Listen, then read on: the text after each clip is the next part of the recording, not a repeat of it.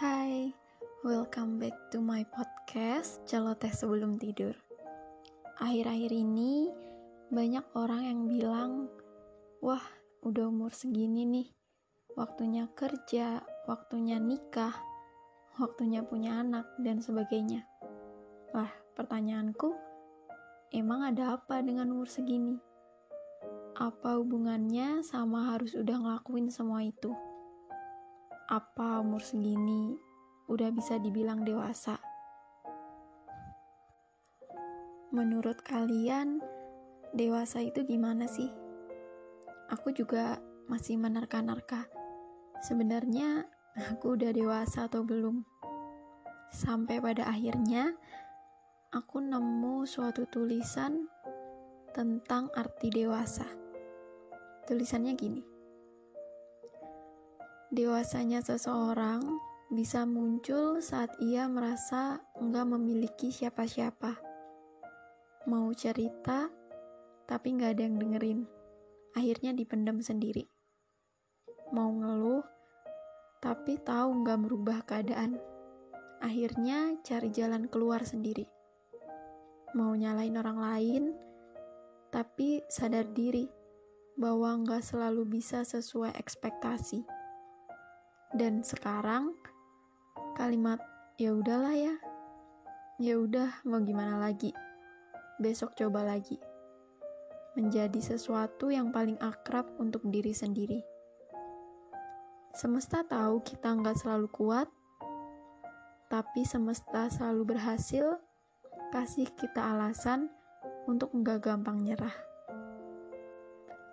Dan dari kalimat itu, yang aku yakini, menjadi dewasa bukan hanya tentang usia, tapi salah satunya adalah tentang kita yang gak lagi ngomong, lah ngeselin tiba-tiba nongol ke bapak-bapak tukang parkir yang ternyata dia cari uang buat bayar sekolah anaknya.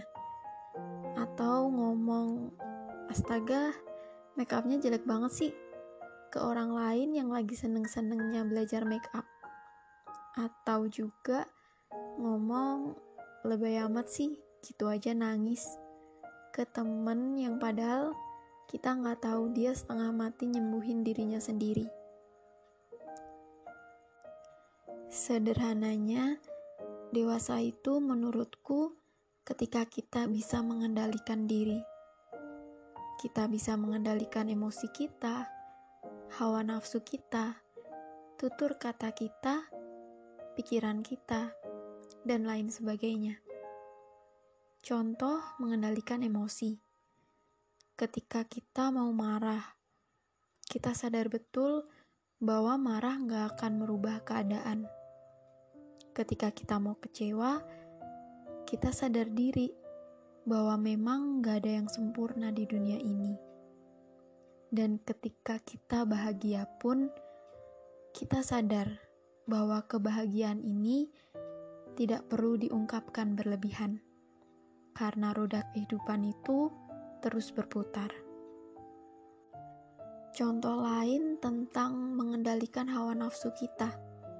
Ketika kita suka sama orang lain, kita berharap orang itu juga suka sama kita. Kita usaha semaksimal kita tapi ternyata hasilnya tidak sesuai ekspektasi. Tidak ada perasaan yang sama dari orang itu ke kita, tapi kita terus paksa dengan menghalalkan segala cara. Itu namanya nafsu, bukan lagi cinta.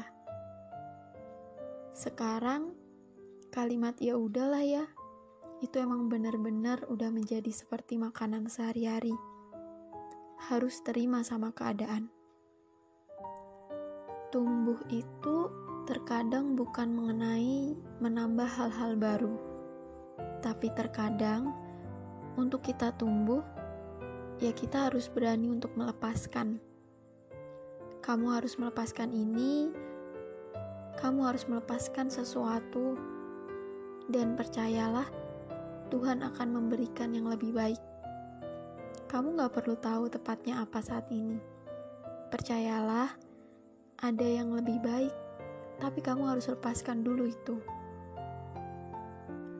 Lalu, untuk mengendalikan tutur kata kita, seperti yang udah disebutkan sebelumnya, yang salah satunya ketika kita nggak lagi ngomong, lah ngeselin tiba-tiba nongol ke tukang parkir ataupun pengamen ataupun orang yang minta-minta yang sering datang emang tiba-tiba.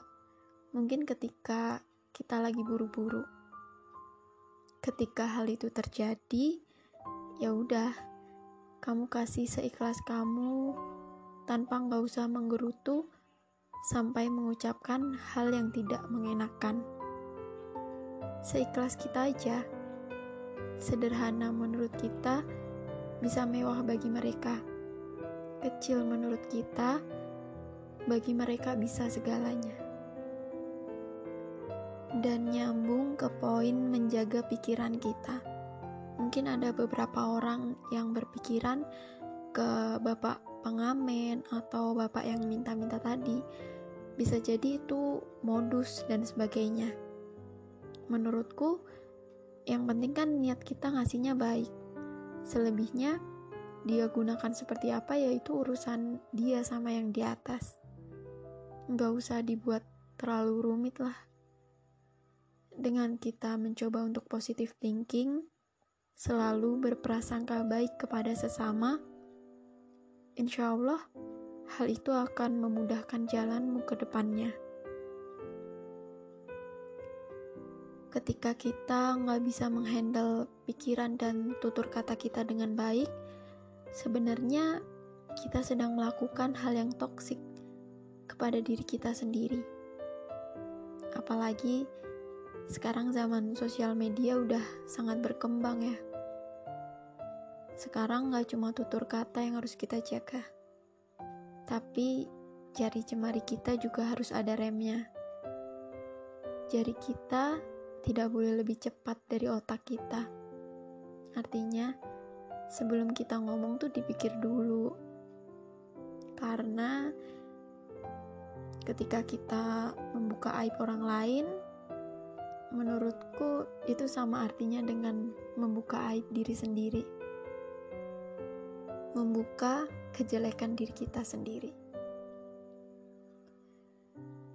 Nah, itu tadi beberapa kalimat yang mendefinisikan arti dewasa menurutku. Lantas, pertanyaan selanjutnya, apakah kamu yakin kamu udah dewasa? Apakah kamu yakin kamu udah siap bertanggung jawab tidak hanya pada dirimu sendiri, tapi juga pada anak orang lain untuk ke jenjang pernikahan misalnya. Apakah kamu yakin kamu udah siap juga untuk membantu membangun karakter seseorang yang mana itu adalah anakmu sendiri kelak misal. Kalau emang kamu udah yakin, ya silahkan. Tapi jangan menyamakan keyakinanmu di umur sekian sama dengan keyakinan orang lain. Ingat, dewasa itu bukan tentang usia. Ketika teman seusiamu udah yakin akan pilihannya memasuki kehidupan yang baru, tapi kamu belum, gak apa-apa. Gak apa-apa banget. Gak usah khawatir, karena setiap orang punya waktunya masing-masing.